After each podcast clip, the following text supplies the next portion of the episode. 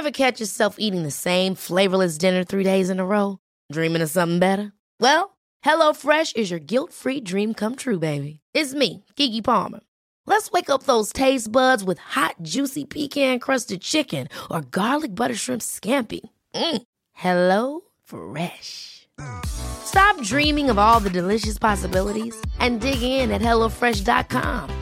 Let's get this dinner party started. This is Paige, the co-host of Giggly Squad, and I want to tell you about a company that I've been loving, Olive and June. Olive and June gives you everything that you need for a salon quality manicure in one box. And if you break it down, it really comes out to $2 a manicure, which is absolutely insane. It's also so easy to get salon worthy nails at home with Olive and June. The difference between how your nails used to look when you did them yourself and now with the Manny system is a complete game changer. The best thing about Olive and June too is it's a quick dry, dries in about one minute, lasts for five days, and full coverage in up to one to two coats. Visit oliveandjune.com slash perfect Manny 20 for 20% off your first system. That's oliveandjune.com slash perfect Manny 20 for 20% off your first system. There's never been a faster or easier way to start your weight loss journey than with PlushCare. PlushCare accepts most insurance plans and gives you online access to board-certified physicians who can prescribe FDA-approved weight loss medications like Wigovi and Zepbound for those who qualify. Take charge of your health and speak with a board-certified physician about a weight loss plan that's right for you. Get started today at plushcare.com slash weight loss. That's plushcare.com slash weight loss. plushcare.com slash weight loss.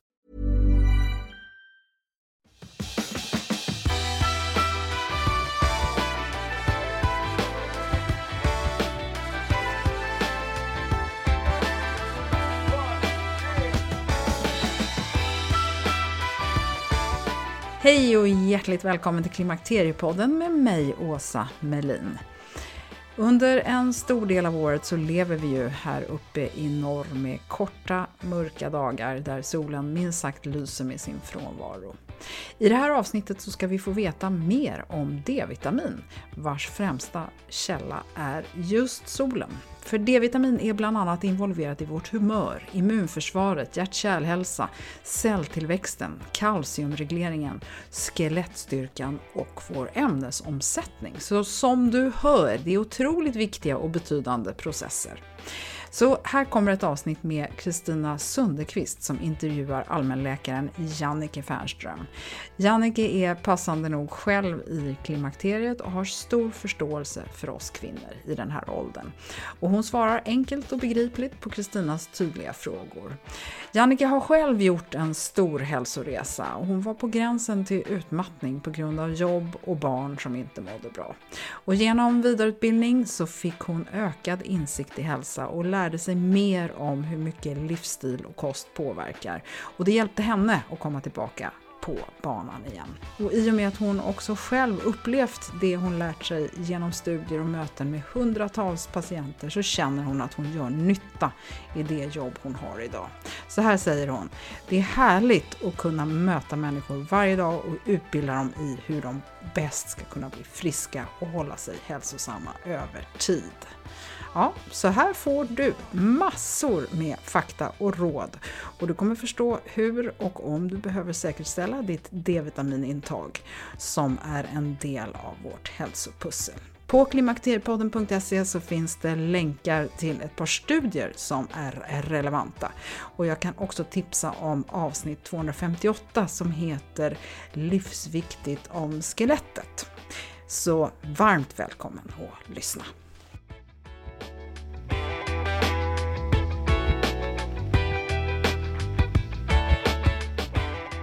Då, Jannike Fernström, hälsar jag dig varmt välkommen till Klimakteriepodden. Tack så mycket.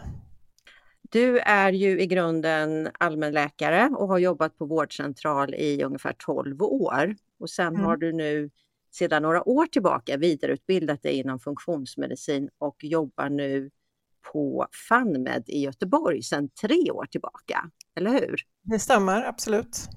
Men jag tänkte att eh, du ska få berätta lite mer om dig själv och din bakgrund. Och sen är jag nyfiken också på hur det kommer sig att du eh, övergick från att jobba då med allmänmedicin till att bli mer inriktad på funktionsmedicin?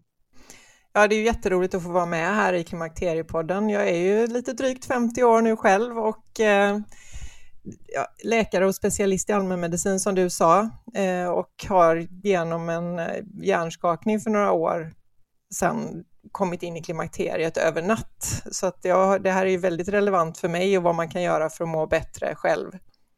Och som du sa så har jag vidareutbildat mig inom funktionsmedicin och det gjorde jag i samband med att jag fick den här hjärnskakningen och fick lite grann av utmattningssymptom lite innan och under det blev det ännu värre på grund av att barn som inte mådde bra och stress på jobbet och så och tittade då på hur jag skulle ta mig vidare och hittade funktionsmedicin och eh, hur man jobbar med kost och livsstil för att liksom hitta bästa vägen för att få energi eh, och kunna orka vidare i arbetslivet och hur man ska hjälpa andra människor. Eh, så i mitt jobb nu, så jag har jobbat på vårdcentral i 12 år och då hittade jag det här för mig själv och insåg att det var väldigt mycket som jag inte kunde göra för mina patienter på vårdcentralen. Att det var väldigt lite prat om vad patienterna kan göra själva, utan det var mer att man ger medicin, du är utmattad, deprimerad och då får du lite antidepressiv medicin. Eh, men till och med man frågar, eh, hur, vad kan jag göra själv? Vad kan jag göra med träning? Vad kan jag göra med kost? Vad kan jag göra med sömn, stress? Liksom, hur behöver jag hantera det? Så var det väldigt lite jag kunde göra som läkare och som jag tyckte att jag fick hjälp själv när jag kom med de problemen. Eh, och det är ju det jag jobbar väldigt mycket med nu eh, och känner att jag får liksom helheten. Jag kan ju både jobba med det som jag gjort innan på vårdcentral med det medicinska och hjälpa till med mediciner till viss del, ibland hormontillskott och sådana saker, men också hjälpa patienterna och hjälpa sig själva eh, genom kost och livsstil. Eh, och där är också näringstillskott som vi kommer att prata om idag lite grann. Eh, att hålla uppe sina näringsnivåerna på rätt sätt eh, är ju också jätteviktigt.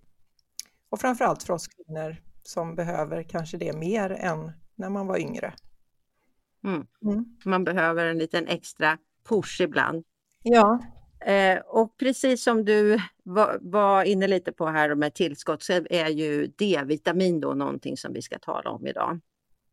Och eh, det är ju så här att under en stor del av året så lever vi ju här uppe i Norden då, i norr, med korta dagar. Vi får lite solljus, vi får lite dagsljus och så vidare.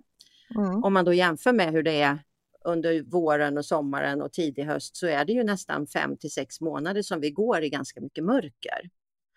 Och D-vitamin är ju då ett vitamin vars främsta källa är just solen. Och sen är det också ett vitamin som är inblandad i många viktiga processer och har också viktiga funktioner i kroppen. Och då tänker man ju så här, men hur går det här ihop då egentligen? Om vi då mm. inte blir påladdade och så är det så här Eh, att den då har så mycket eh, viktiga processer. Och det här ska vi då försöka att fördjupa oss lite grann i idag. Så vi ska titta på några viktiga funktioner och sen så kommer vi också eh, resonera lite runt det här med tillskott. Behöver man tillskott? Klarar vi oss på kosten eller på den sol eller på den solen som vi har laddat på oss. Och sen så kommer vi också titta på en del koppling då mellan D-vitamin och kvinnan mitt i livet då, och den äldre kvinnan. Men eh, om vi börjar med att titta på vad, vad är D-vitamin för någonting egentligen? Ja, D-vitamin är ju ett fettlösligt vitamin som vi får, som du sa, mycket av solens strålar. Eh, I huden så bildas D-vitamin av kolesterol genom strålningens påverkan av solen. Eh, och det här behöver vi ju för många olika processer i kroppen. Om vi stannar lite där och bara tittar på det här med fettlösliga och vattenlösliga, vad är det för skillnad på det? Ja, fettlösliga vitaminer är ju någonting som vi behöver om vi får det i kosten så behöver vi få upp det med fett, så vi behöver alltså äta mat som innehåller fett för att få upp D-vitamin. Så det är ju ägg, mjölk, andra eh, kött, sådana saker där det ingår D-vitamin och vi behöver fettet för att kunna ta upp det genom tarmslemhinnan. Eh, och det är ju fett, alltså kolesterol i huden som bildar D-vitamin med solens strålar. Eh, och det här gör ju att det kan då lagras i fettväv i kroppen och kan då i vissa fall hållas längre tid än vad själva halveringstiden är egentligen. Eh, ett vattlösligt vitamin går ju rakt igenom kroppen kan man säga, så vi kan inte samla på oss det på samma sätt. Eh, det går ut när jag njurar och så, så att ganska snabbt efter att man har fått i sig det så går det ut igen, det som inte kroppen då behöver direkt. Så det måste man hela tiden fylla på. Ett fettlösligt vitamin kan ju också bli toxiskt, så vi ska ju inte ha för mycket av det heller, för det kan man då samla på sig som sagt och det kan bli farligt på olika sätt. Men kan man säga så då att om eh, de här fettlösliga vitaminerna, det är sådana som vi lagrar och de vattenlösliga, det är det sådana som vi inte lagrar om man ska ja, uttrycka det precis. enkelt. Och de vattenlösliga blir ju i stort sett aldrig farliga för de, de kommer aldrig upp i toxiska nivåer. Så det är de fettlösliga vi får vara lite försiktiga med att ta för mycket av. Just det. Mm. Men D-vitamin är väl också ett hormon? Ja, eh, och ett hormon kallar vi ju allting som på något sätt signalerar i kroppen från ett ställe till ett annat. Eh, och D-vitamin signalerar ju till hjärnan eh, och påverkar våra serotoninnivåer till exempel i kroppen och påverkar skelettet och, och massa andra funktioner i kroppen genom den här meddelandefunktionen som D-vitaminet har. Mm. Men Ska vi gå igenom då de här olika funktionerna då, de, mm. de stora områdena som du har plockat fram här och så kan du berätta kort om dem här så får vi en bild av dem. Absolut. Ja, dels, och det vet ju de flesta om, att D-vitaminet påverkar skelettet i kroppen, att vi behöver D-vitamin för att mineralisera skelettet, alltså ta upp kalcium till skelettet så att det blir hårt. Eh, så där är det ju när vi har dåligt med D-vitamin så kan vi få en större risk för osteoporos till exempel och, och framförallt hos äldre kvinnor då med lägre östrogennivåer, för det samverkar också med bentätheten. Ja, och eh, osteoporos det är ju alltså benskörhet och så Precis. att vi förklarar det. Ja. Eh, men sen så stärker det också immunförsvaret. Det har en inverkan på vårat, eh, vår celldelning i skelettet, alltså i benmärgen där vi bildar vita blodkroppar som är en del av vårt immunförsvar men också cellerna som, som påverkar eh, immunförsvaret, alltså de som är våra försvarsceller ute i blodet och även ute i huden och så som tar hand om virus och sånt direkt eh, när, det, när vi blir påverkade av det. Tänderna är också en del av skelettet kan man säga, det påverkar tänderna och mineralisering i tänderna också. Ehm, och ha en påverkan på fosfornivåer så som också påverkar skelettet i sin tur. Så att det är ett väldigt, väldigt, väldigt invecklat system. Ehm, och som jag sa påverkar det också serotonin, så sinnesstämningen. Serotonin är ju någonting som vi behöver för att hålla oss ehm, uppe. Det är ju någonting som de flesta har hört att vi kan ha en brist av serotonin och då kan man bli deprimerad eller få ångest och så. Och även hjärta och cirkulation, att det påverkar blodtrycksregleringen. Och där kan man ju säga att det verkar lite grann som ett hormon, eh, det här med signalering. Eh, och den här antiinflammatoriska eh, effekten som den har kan också motverka hjärt-kärlsjukdomar. Så att D-vitamin är väldigt viktigt i många av våra processer i kroppen även viss del av ämnesomsättningen, att det påverkar PTH, alltså det är ett eh, hormon som bildas i bisköldkörtlarna och det påverkar i sin tur också skelettet. Så att det, det finns liksom i många olika delar i de här processerna med skelettuppbyggnad och skelettnedbrytning. Ehm, vi kan ju också få en ökad eh, frisättning utav kalcium från skelettet. Alltså vi bryter ner mer skelett om vi har för låga nivåer av D-vitamin. Så att både att vi behöver det för att bygga upp skelettet, men har vi för låga nivåer kan vi också bryta ner skelettet.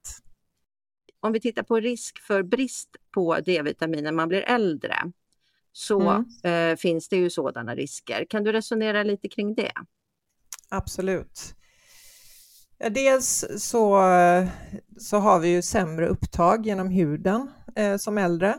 Eh, att vi har en tunnare hud med mindre fettväv under, så kolesterolet saknas lite grann för att bilda D-vitamin i huden och framförallt hos kvinnor med lägre östrogennivåer. men sen så är, finns det ju andra saker också, att vi har svårare att ta upp eh, D-vitamin i tarmen eh, som gör att kalciumet blir sämre, det blir sämre upptag av kalcium i tarmen också och som också leder till benskörhet i sin tur.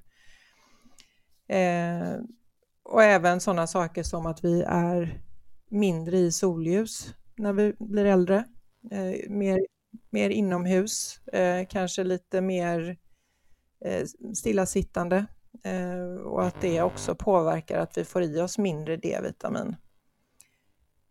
Och finns det några, någon skillnad mellan kvinnor och män där?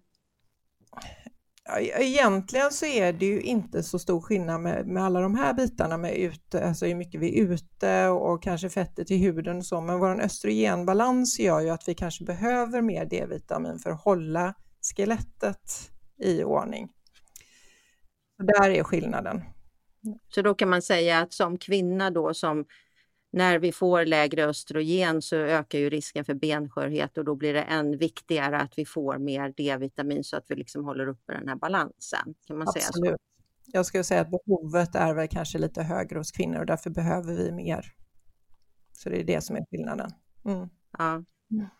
Det känns ju som att D-vitaminet kopplar väldigt mycket här till vårt skelett. Ja. Att det är det som är extra viktigt att ta med sig som kvinna när man blir äldre. Absolut, men sen så är det, det har ju andra effekter också på, på oss, eh, som eh, humöret och sådana saker. Men det är klart att det är ju inte så stor skillnad mellan kvinnor och män kanske. Men i och med att vi har större behov så kanske vi ofta har en lägre nivå, om det blir logiskt, om du förstår vad jag menar. Ja. ja. Bra, men då har vi fått en eh, övergripande bild här tycker jag om, om eh, vilka olika funktioner och processer då som vitaminet styr. Och det ser vi ju här att det är ju många saker i kroppen som behöver D-vitamin. Och då kommer vi in på det här lite grann då med att eh, hur vi får i oss det här och eftersom då solen är den, den viktigaste källan. Mm. Men hur får vi i oss, eh, eller vi säger så här istället, eh, hur hur ska vi exponera oss för solen? Vi börjar där tycker jag. Ja, alltså solljuset är som du sa, det är ju bäst på somrarna i, i våra nordiska länder. Att vi behöver ju vara i solljus som har en viss vinkel. Eh, och under vintern så är vinkeln alldeles för låg. Så över 45 graders vinkel som den är under sommarhalvåret för att solbestrålning av huden ska bli rätt för att vi ska kunna bilda D-vitamin. Och det behöver vi minst en kvart, två till tre gånger i veckan under de här timmarna när det är sol, alltså i mitten på dagen. Och då, och då behöver vi vara ute med bara armar, bart ansikte eh, och utan solskydd eh, under den kvarten eh, för att få i oss den D-vitaminen vi behöver. Och då ska man helst alltså gå helt utan solskyddsfaktor också, för det var min nästa fråga ja. här hur man tänker. Då. För där blir det ju lite mot, motsättningar då om att man ska vara försiktig i solen och skydda sig med solskyddsfaktor, men samtidigt så ska man då vara utan faktor för att få D-vitamin. Hur ska man tänka där då egentligen? Ja, alltså det är ju inte så lång tid om man tänker att det är en, en kvart, 20 minuter som man behöver två till tre dagar i veckan så är ju inte det så lång tid och då hinner du ju inte bränna dig riktigt. Ska man vara ute mer än så så kan man ju absolut ha på sig solskyddsfaktor för är man ute kanske två, tre timmar då med solskyddsfaktor så får man nog i sig tillräckligt ändå. Så att det beror ju lite på, så är du bara ute en kvart om dagen så gör det utan solskyddsfaktor. Är du ute mer så kan man ha solskyddsfaktor eller kläder på sig och ändå få i sig eh, under sommarmånaderna. Då. Så att så ska man väl tänka. Och hur länge har man då kvar den eh, D-vitaminen som man lagrar då på sommaren? Hur långt in på hösten räcker det som man har lagrat ungefär? Ja, alltså halveringstiden är ju bara två till tre veckor på D-vitamin, så det går ganska snabbt att nivåerna går ner. Eh, så att det är ju kanske... Alltså jag brukar se lägre nivåer på mina patienter redan från september, oktober. Okej. Okay. Eh, och då bör man nog stötta upp med något typ av tillskott. Framför allt att man då äter mat som är fettinnehållande och som innehåller D-vitamin. Och vad har vi för mat då som är den, liksom, den mest optimala för D-vitamin? Ja, kött, fisk och ägg. Och ägg har man ju sett på nu och tittade på Livsmedelsverket att de har ju faktiskt ökat upp hur mycket D-vitamin som ägg innehåller. Eh, så att det är ganska bra nivåer med D-vitamin i ägg. Eh, sen så ska man ju då kunna ta upp fettet och det ser, man, ser vi också att en del har svårt att, att bryta ner fett och ta upp det och då får man ju inte heller upp D-vitaminet i rätt nivåer ändå. Då är det fe, fet fisk som ja. eh, lax och makrill, alltså det, men hur är det med to, torsk och sånt som inte är lika fett? Nej, det finns mycket lägre nivåer i det. Eh, det är ju lax och makrill är ju det som är högst. Jag tittade faktiskt inte på torsk, men jag skulle kunna tänka mig att det är säkert inte ens hälften så mycket i torsk, för det är ju ingen fet fisk och fettet behövs för att man ska ta upp D-vitaminet. Mm. Men sen finns det ju också någonting, när man pratar D-vitamin, då brukar man tala om D2 och D3. Vad är det för skillnad på dem? Jag tänkte vi skulle reda ut det också. D3 är ju det som bildas i huden när vi vistas i solljus. Mm. Eh, och det är en större biotillgänglighet i det. Det betyder alltså att vi har lättare att ta hand om det och fungerar snabbare i kroppen. Eh, och det finns också i fisk och ägg eh, och kött, så att alla animaliska produkter har också D3. D2 eh, finns ju i svampar till exempel, men också i vissa D2-berikade livsmedel. Och det är ju mjölk som vi tillsätter D-vitamin till exempel till, eh, som enligt lag måste finnas i Sverige. Och då får vi D2 i den? D2, ja. Och den är ju lite mindre aktiv, alltså det är svårare för oss att använda den mm. i kroppen. Och den måste då eh, göras om till, alltså bägge de här görs om till ett annat typ av D-vitamin som är det som vi använder i själva cellerna. Och det är svårare för D2 att ombildas. Så att det är lite bättre att äta animaliska produkter och få solljus som tillskott.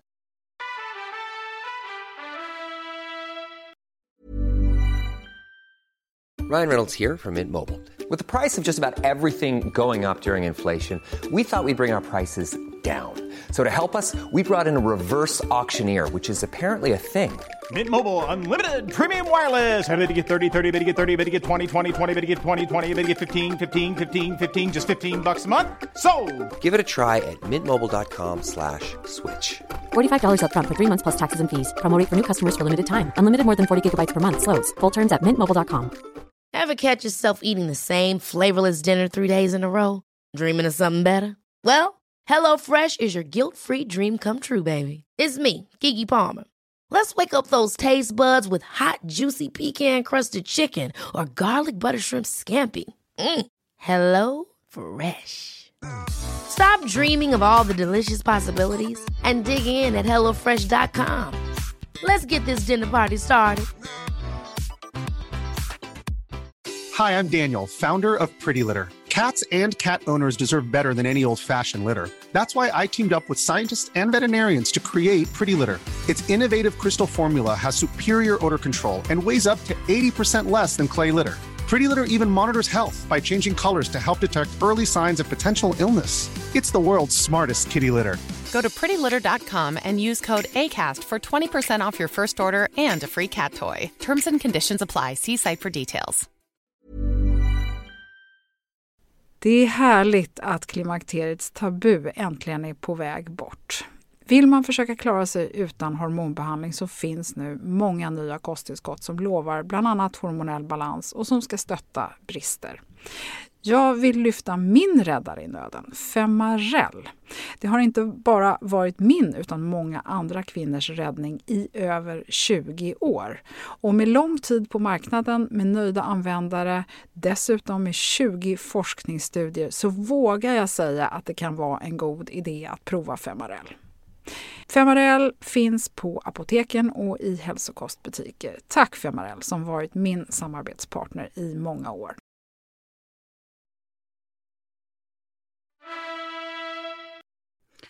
Bra. Så då kan vi alltså, då har vi, vi har solen och vi har de här, eh, den feta maten och eh, sen att man då kan titta på det växtbaserade, då kommer vi in på, på svamp då till exempel. Men om vi då tittar på tillskott, vad ska man, hur ska man tänka där då? Du, sa, du var lite inne på det tidigare, att du ser redan hos patienter att de börjar få brist i september, oktober. Men hur mycket tillskott ja. behöver man ta? Kan du se att man klarar sig då alltså inte med kosten, utan att många behöver tillskott? Ja, jag tror att även om man väljer liksom en optimal kost så är det nog svårt att få i sig det som till och med som Livsmedelsverket rekommenderar. Eh, och det som vi ser i våra tester är att de flesta behöver mellan 2 och 4 000 enheter per dag och det är svårt att få i sig. Eh, ska vi se, jag, jag tittade på, jag tror att det var ungefär fyra ägg om dagen som vi behöver för att få i oss det som Livsmedelsverket rekommenderar varje dag. Så det är ju ännu mer om man ska ha liksom 2000 enheter då, så dubbelt så mycket. Så det är ganska svårt att få i sig. Och hur mycket sa du att Livsmedelsverket sa då? 800 enheter. Och du säger mellan 2000 och 4000 enheter? Ja, jag tror att de flesta behöver 2000 på sommaren och, och runt 4000 på vintern.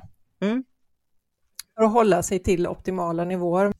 Om man då tittar på um, tillskott och även kosten då under vintern, behöver man ta tillskott varje dag eller räcker det med att, jag tänker på att det ändå lagras i kroppen, eller räcker det med att man tar tillskott eller tänker D-vitaminkost några gånger i veckan? Förstår du vad jag menar? Ja, absolut. Och det, det tror jag absolut. Vi får ju liksom en genomsnittlig eh, nivå, så det går ju inte upp och ner snabbt, utan det håller ju sig, som de sa, halveringstiden på två till tre veckor. Så tar man tillskott någon gång i veckan så räcker det ju. Mm. Eh, sen är det ju, min erfarenhet är att det är lättare att komma ihåg och ta någonting varje dag än att ta en gång i veckan, för det glömmer man lätt. Så av den anledningen kan det vara bra att ta varje dag. Och hur är det med överdosering? Kan man överdosera så man blir liksom toxisk utav solen eller är det mer kopplat till att du tar tillskott? Jag har aldrig sett någon med för höga nivåer eh, utav D-vitamin av bara solen, Nej. utan där är det nog om man tar höga nivåer utav tillskott och då ska man gå över de här 4000 som jag sa. Eh, så när, om man tar kanske 10 000, då har man nog risk att få för mycket. Eh, och det kan ju bli farligt för man ökar också kalciumnivåerna i blodet som kan påverka hjärtat och annat. Så det, det ska man ju absolut vara försiktig med. Och vad kan man få för symptom då? Som man ska vara observant på om man skulle vara om man skulle fått för mycket? Ja, alltså det är diffusa symptom mycket, alltså trötthet och depression kan man få, hjärndimma, men det värsta är ju när det påverkar hjärtat, att man får hjärtklappning och, och sådana kanske förvärrad angina, alltså eh, kärlkramp eller sådär. Då ska man ju söka direkt för det, mm. absolut. Mm. Men det är inte jättevanligt att man får, eller? Nej, det skulle jag inte säga är speciellt vanligt. Eh, man kan ju ha risk om man har till exempel bisköldkörtelproblem, att man har höga kalciumnivåer från början i blodet. Då ska man ju vara ännu mer försiktig och då ska man ju stämma av med sin läkare. Eh, liksom, hur ligger mina kalciumnivåer? Hur ligger mina D-vitaminnivåer? Så man inte tar tillskott fast man redan ligger högt. Eh, och framförallt i kalciumet då. Om vi tittar på riskgrupper då eh, för ehm, som är, eller specifika riskgrupper som man verkligen ska eller verkligen rekommenderar att ta mm. eh, tillskott. Vad har vi för grupper där? Ja, men dels är det ju äldre som vi pratar om och äldre kvinnor kanske framför allt då som är mycket inne, som inte är ute i solljuset på somrarna och, och inte får i sig någonting på det sättet genom eh, att vara ute. Men där gäller det också de som är mörkhyade, som har som är täckta eh, över hela kroppen eh, året runt. De behöver absolut D-vitamintillskott.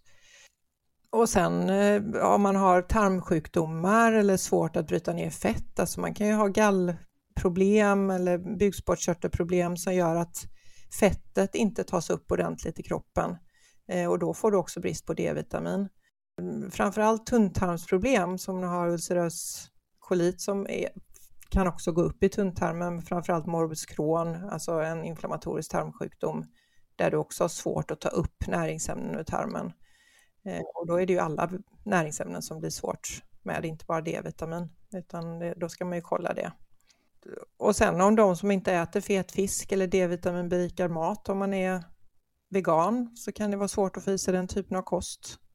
Så då ska man vara extra noga med att ta tillskott. Mm. Om man vill testa då sina D-vitaminnivåer, hur ofta tycker du att man behöver gå och kolla det? Ja, alltså någon gång under vinterperioden kan vara bra till att börja med och se. Eh, och, så någon gång kanske oktober, november för att se, alltså, hur, ligger jag väldigt lågt redan nu? Ska jag fortsätta ta en, en hög nivå under vintern eller hur ska jag göra? Ligger man bra i oktober, november, då kommer man nog klara sig med ett lägre tillskott, så kanske då 2000 enheter vidare. Mm. Men ligger man under 75 på vanligt blodprov på vårdcentralen till exempel, så tycker jag att då ska man ta minst 2000 enheter och kanske 4000. Och beroende på hur man mår i övrigt och hur man äter. Är du vegan så ta 4000. Är du klädd från topp till tå hela tiden så ta 4000. Och ska man följa upp det sen efter några månader eller hur tänker du där? Ja, alltså tar du inte mer än det som jag har sagt i tillskott så tror jag inte det är nödvändigt. Eh, men skulle det vara så att du kanske tar lite mer sällan och tar höga eh, tillskottsnivåer på 10 000 så skulle man nog kolla upp det efter ett par, tre månader och se så man inte går för högt. Mm. Eh, och framförallt med kalcium också då, att man inte får problem med det. Och vad har vi för symptom då på brist? Ja, alltså benskörhet är ju ett symptom som en del kvinnor kan märka att de, de får eh, göra någon slags bentäthetsmätning och då kan man ju ha eh, problem med D-vitaminet. Men annars så är det ju trötthet, nedsatt energi, eh, muskelsvaghet och smärta kan man få. Men man kan också vara infektionskänslig, man kan... Eh... Många kvinnor upplever ju att de är får ont i lederna och ont i kroppen och sådär. Kan det ja. också vara ett symptom då på att det är brist på D-vitamin alltså? Det kan det absolut vara. Eh, och i samband med, alltså, många kvinnor sätter ju alla de här symptomen i samband med att man får lägre östrogen och att man har att det här är normalt, att man ska ha ont och man ska vara trött och man, det, alla de här symptomen som kan vara östrogenbrist också, men det, då är det ju bra att kolla upp att det inte är D-vitamin också, för då kanske man kan lätta upp de symptomen en aning. Mm. Det tycker jag är jättebra och viktig information att ta med sig, verkligen. Mm. För det där med ont i kroppen är ju många kvinnor som just känner av och vet inte riktigt vad det är för någonting. Och trötthet och humöret. Så alla de här grejerna kan ju vara, så det är ju jättespännande tycker jag. Ja, och som vi sa med alla de här sakerna som D-vitamin kan påverka så är, ju, så är det ju absolut viktigt att kolla upp det. Att allting med humöret och smärtan och muskelsvaghet och hur det påverkar ämnesomsättningen. Och, så det är jätteviktigt, mm. absolut. Jag tänkte att vi skulle runda av här med en ganska ny studie som du presenterade för mig här också. Eh, som var kopplad till slemhinnan och mm. D-vitamin. Mm. Kan du berätta lite om den? Eh, ja, det är en, en studie som är gjord här eh, 2023 eh, Eh, som visar på effekten utav D-vitamin som är utöver då skelettmuskulatur och hjärt-kärlsjukdomar, cancer och så vidare som där man också tittat på tillväxt av cellerna i slidans slemhinna och så kan lindra problem utav vaginal torrhet, smärta vid samlag och återkommande vaginiter och andra slemhinneproblem hos kvinnor i klimakteriet eller efter klimakteriet. Um, som, där man faktiskt har kunnat ge D-vitamin istället för östrogenbehandling hos framförallt kvinnor då som har haft cancer eller som av andra anledningar inte ska ta hormonersättningspreparat. Eh, så att, att de då får en lindring av de här problemen då med hjälp av D-vitamin. Mm. Och det är ju jättespännande tycker jag. Verkligen. Den var från 2023 ja, här också. Precis. Den är jätteny. Den heter The Role of Vitamin D in Menopausal Women's Health från Front Physiology. Mm. Och den, eh, den kommer vi lägga då en länk till mm. också här på Klimakteriepoddens hemsida tänkte jag, för det där var ju superspännande. Mm. Men du träffar ju väldigt mycket kvinnor då i ditt jobb och hur upplever du, eh, just om man tittar på det här med D-vitamin och sådär, hur är det många då som du upplever har brist och att du kan, du kan då hitta, att du kan ge hjälp om man säger så genom att de får lite extra tillskott, att de då mår bättre. Har du, har du någon sån här historia eller har du märkt att det, att det hjälper för många? Absolut, ja men D-vitamin är ju en av de eh, vitaminer som vi ser att det oftast finns brist på. Och det kan bero på många olika saker, precis som jag sa här, att med fett malabsorption, alltså att man har svårt att bryta ner och ta upp fett. Eh, och hos kvinnor framför allt så tycker jag att man ser det ofta, att det kan vara problem med gallsalter, alltså att gallan är, att man har haft problem med gallan, man kanske har opererat bort gallblåsan när man har gallstenar, har haft gallstenar och då, då är det svårt att bryta ner fettet och då får man ofta brist på D-vitamin. Sen är det liksom överlag på vintern så har de flesta D-vitaminbrist i Sverige. Även om du är ljushyad och inte går heltäckt så är det ett problem. Eh, och jag tror ju absolut att det här har koppling till både humör och hjärndimma och alla de här sakerna som jag har pratat om här och att folk mår bättre när de får tillskott. Mm. Mm. Ja, det är ju jätteintressant tycker jag. Någonting annat du vill säga här till alla kvinnor som lyssnar för att runda av? Ja, men lite grann det som jag var inne på förut, att man kanske inte bara ska tänka att de här problemen som jag har är bara klimakteriebesvär. Det kanske finns andra saker man kan göra åt sina problem och lätta upp ledvärk, humöret, annat så att man, man tittar på hur man ligger till i vitaminvärden och näringsvärden överlag, inte bara D-vitamin, men, men D-vitamin är ett viktigt näringsämne att hålla koll på. Mm. Bra. Mm. Men då tackar jag för din tid och för all den här värdefulla informationen och stort tack för att du ville vara med i Klimakteriepodden idag. Ja, men tack för att jag fick vara med. Det var jätteroligt.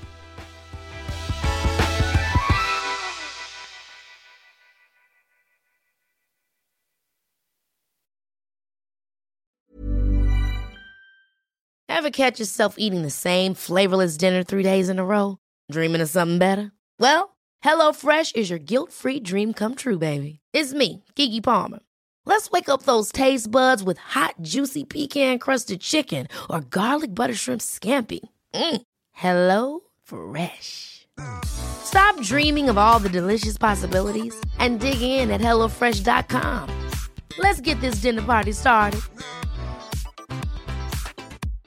Imagine the softest sheets you've ever felt. Now imagine them getting even softer over time. That's what you'll feel with Bowl and Branch's organic cotton sheets. In a recent customer survey, 96% replied that Bowl and Branch sheets get softer with every wash. Start getting your best night's sleep in these sheets that get softer and softer for years to come. Try their sheets with a 30-night guarantee. Plus, get 15% off your first order at bowlandbranch.com. Code BUTTERY. Exclusions apply. See site for details.